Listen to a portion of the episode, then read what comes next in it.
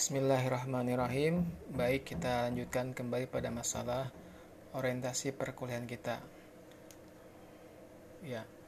Dalam orientasi perkuliahan ini eh, kita sudah eh, atau saya sudah menyampaikan eh, beberapa poin tentang maksud dan tujuan dari penyelenggaraan filsafat ilmu itu.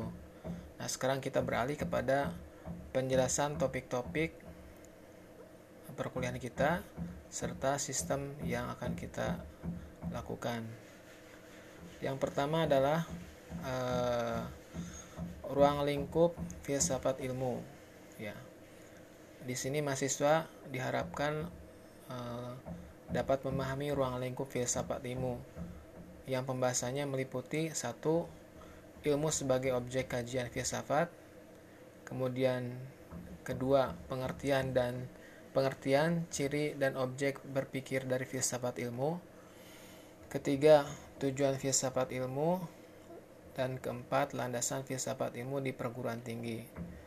Nah, di sini dalam eh, dalam dalam bahasan ruang lingkup filsafat ilmu itu eh, kelompok eh, apa kelompok yang pertama ini eh, hendaknya menyampaikan eh, tujuan-tujuan dari sesi tersebut, dari sesi ruang lingkup filsafat ilmu itu. Dia uh, kelompok tersebut harus menjelaskan ilmu sebagai objek kajian filsafat dan kemudian uh, definisi atau pengertian dari filsafat ilmu, ciri-cirinya serta objek berpikirnya. Dan itu uh, saya rasa sudah ada di referensi yang sudah saya sampaikan ya. Kemudian kelompok kedua uh, atau sesi ketiga ya adalah sejarah sejarah perkembangan ilmu. Nah, di sini mahasiswa uh, diharapkan dapat menggambarkan atau mendeskripsikan sejarah perkembangan ilmu dari uh, dari sejaman Yunani kemudian perkembangan ilmu di dalam Islam dan keempatnya atau ketiganya sorry perkembangan ilmu dalam zaman uh, Renaissance dan modern ini. Kemudian yang terakhir uh, kemudian perkembangan ilmu di zaman kontemporer dan perkembangan ilmu di zaman postmodernisme. Nah, tema-tema yang disebutkan di uh, dalam sejarah perkembangan ilmu itu bisa Anda salah satunya mungkin bisa Anda uh, dapatkan dalam buku Filsafat Ilmu karya Profesor Dr. Amsal Bahtiar ya. Karya apa terbitan dari uh, Raja Wali Pers. Kemudian, nah di Anda juga bisa sebetulnya menggunakan referensi lain ya yang terkait dengan sejarah perkembangan ilmu. Jadi tidak mesti buku beliau ya, tapi uh, apa? Saya menyebutkan ini karena uh, sebagai salah satu rujukan saja. Kemudian yang ke sesi ketiga ya yang membahas masalah hakikat pengetahuan ini bertujuan atau diharapkan mahasiswa dapat memahami hakikat ilmu dan pengetahuan.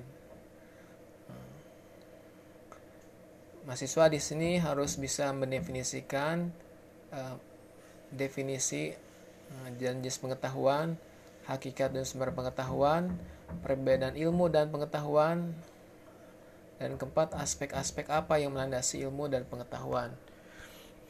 Nah, buku yang saya uh, share ya seperti uh, buku falsafah tuna ataupun buku agam, agam, agama dan akal atau akal dan agama itu uh, bisa menjadi salah satu materi dalam uh, atau rujukan untuk kelompok uh, ketiga ya. Yakni hakikat pengetahuan yang membahas hakikat pengetahuan. Kita beralih pada kelompok 4 Pada kelompok 4 ini eh, pembahasannya berkaitan dengan kebenaran ilmiah. Nah, jadi di sini dalam tema ini mahasiswa diharapkan bisa mendefinisikan arti kebenaran, eh, teori-teori kebenaran yang ada, sifat kebenaran ilmiah dan seterusnya. Ini penting bagi kita untuk uh, ketahui ya agar uh, kita tidak gampang untuk melakukan atau memberikan keputusan bahwa sesuatu itu tidak benar karena tidak bisa dibuktikan secara empiris.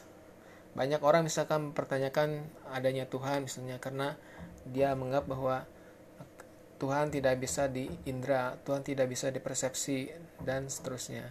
Nah ini bisa kita uh, bantah ya, atau bisa kita kritisi gitu, karena yang dimaksud dengan uh, kebenaran adanya Tuhan itu tentu harus didekati dengan cara yang lain, tidak bisa dengan sains positivistik ataupun yang lain sebagainya. Kemudian yang ke hmm, kelima ya. Yang kelima ini membahas tentang ontologi ataupun hakikat ilmu. Diharapkan uh, di sini pembahasan mencakup uh, tentang makna ontologi kemudian perbedaan ontologi dan metafisika landasan metafisika cabang metafisika kemudian sumber kebenaran metafisika dan kegunaan metafisika. Tema-tema yang saya sebutkan disebut yang saya sebutkan tadi itu eh, sebagian ada di buku di bukunya siapa? Amsal Bahtiar ini. Sebagian ada di uh, buku yang lainnya. Mungkin di Falsafatuna ada ya tapi uh, perlu anda cek lagi itu. Mungkin ada di bukunya Murtado Mutahari yang saya sebutkan tadi tentang epistemologi Islam. Ada di sana juga. Yang ke uh, yang berikutnya kelompok 6 ya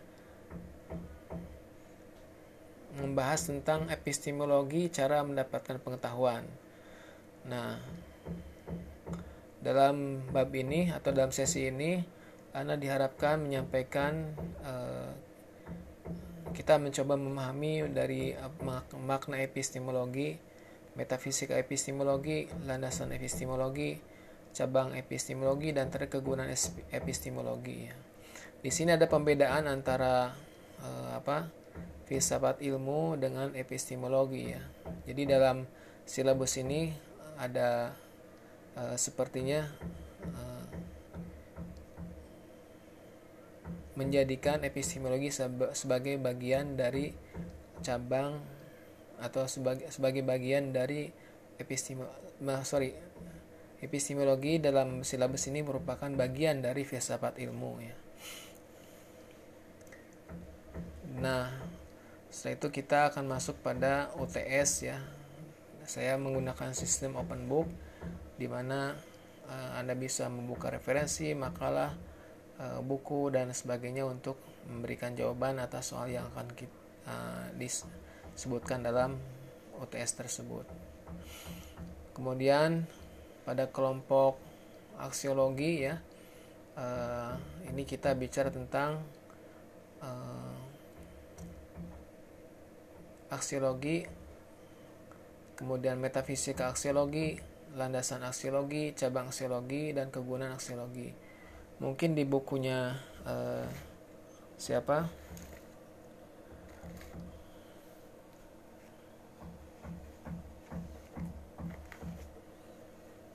Di bukunya Yuyun Sure Sumantri Anda bisa meng, uh, mencek ya tema-tema tersebut atau mungkin juga di buku-buku lain ya yang terkait dengan masalah uh, aksiologi di fase Fatuna juga ada sedikit pembahasan tentang itu. Jadi Anda bisa merujuk pada yang itu. Kemudian yang ke berikutnya kelompok yang membahas struktur ilmu pengetahuan.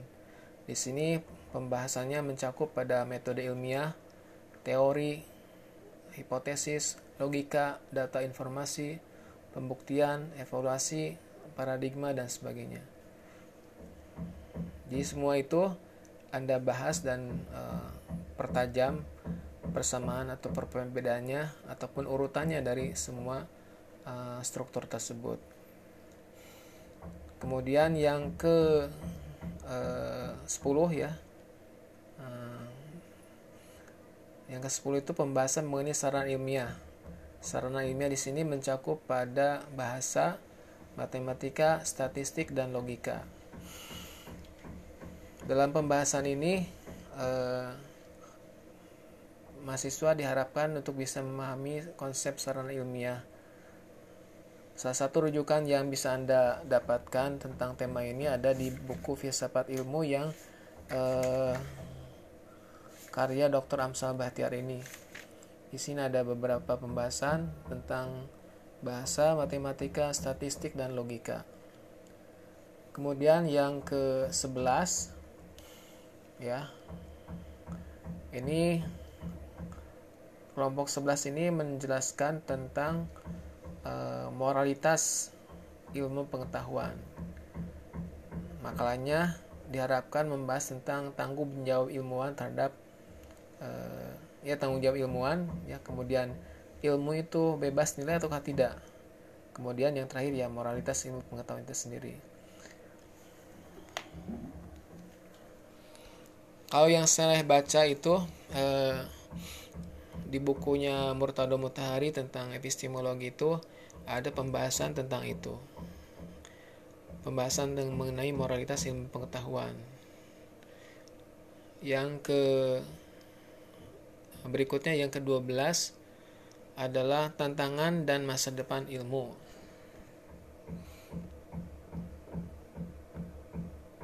pada pembahasan ini kita akan bicara tentang kemajuan ilmu dan krisis kemanusiaan. Kemudian yang ketiga, eh yang keduanya eh, dalam makalah tersebut membahas juga agama, ilmu dan masa depan manusia. Nah ini eh, referensi tentang tema-tema ini saya pikir eh, sangat melimpah ya. Di antaranya misalnya yang terbaru itu bukunya Dr. Haidar Bagir ya yang berjudul uh, agama saintifik dan uh,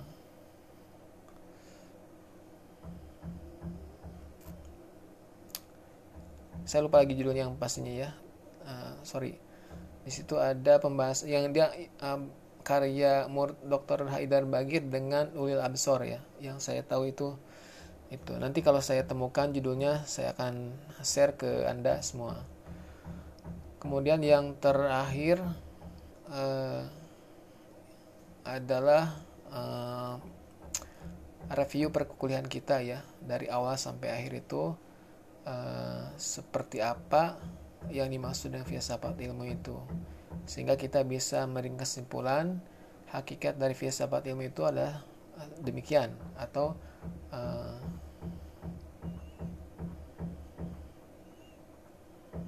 hakikat filsafat itu adalah seperti ini gitu Nah, itu uh, kita akan bahas dalam pertemuan yang ke-14.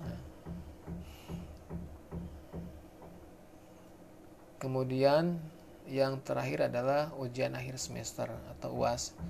Saya kira kita tetap menggunakan open book ya. Uh, atau kita lihatlah, saya evaluasi dulu perkembangan dari uh, perkuliahan kita ini.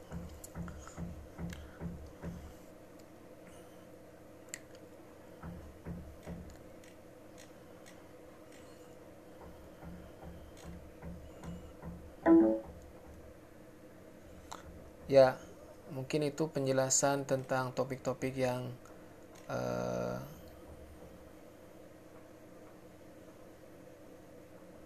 perlu diulas ya dalam mata kuliah filsafat ilmu ini.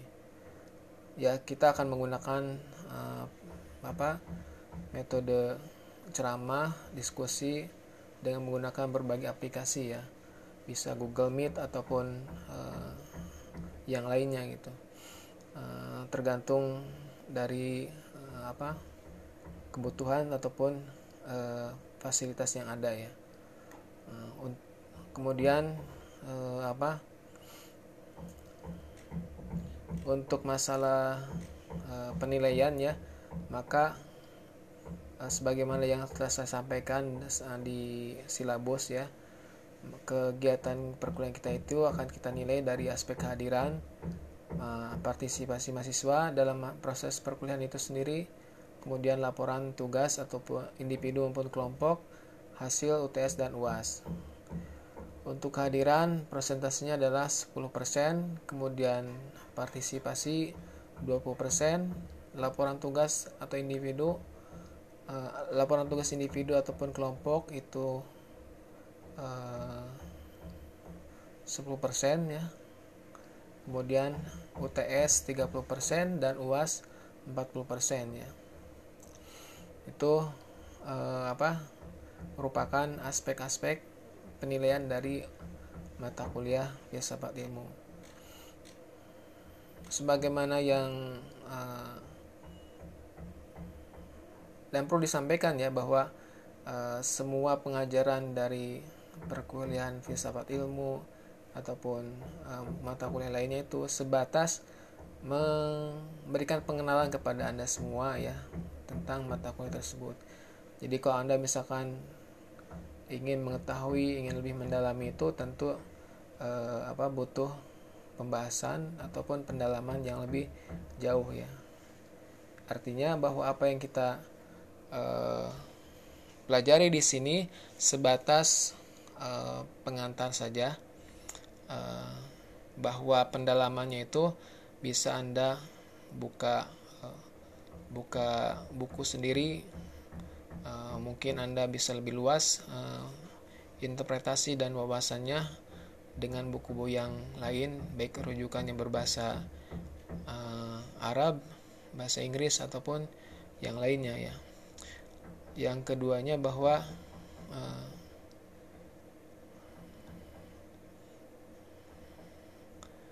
nantinya dalam uh, ujian ya dalam UTS ini.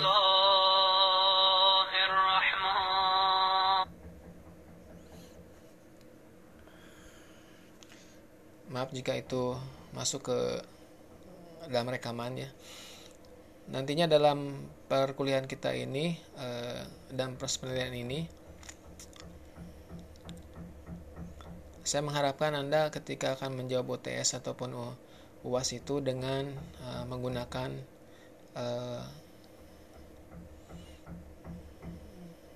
komputer ya. Atau kalau misalnya ditulis dengan tangan ya kalau memang terpaksa seperti itu itu dengan tulisan yang jelas.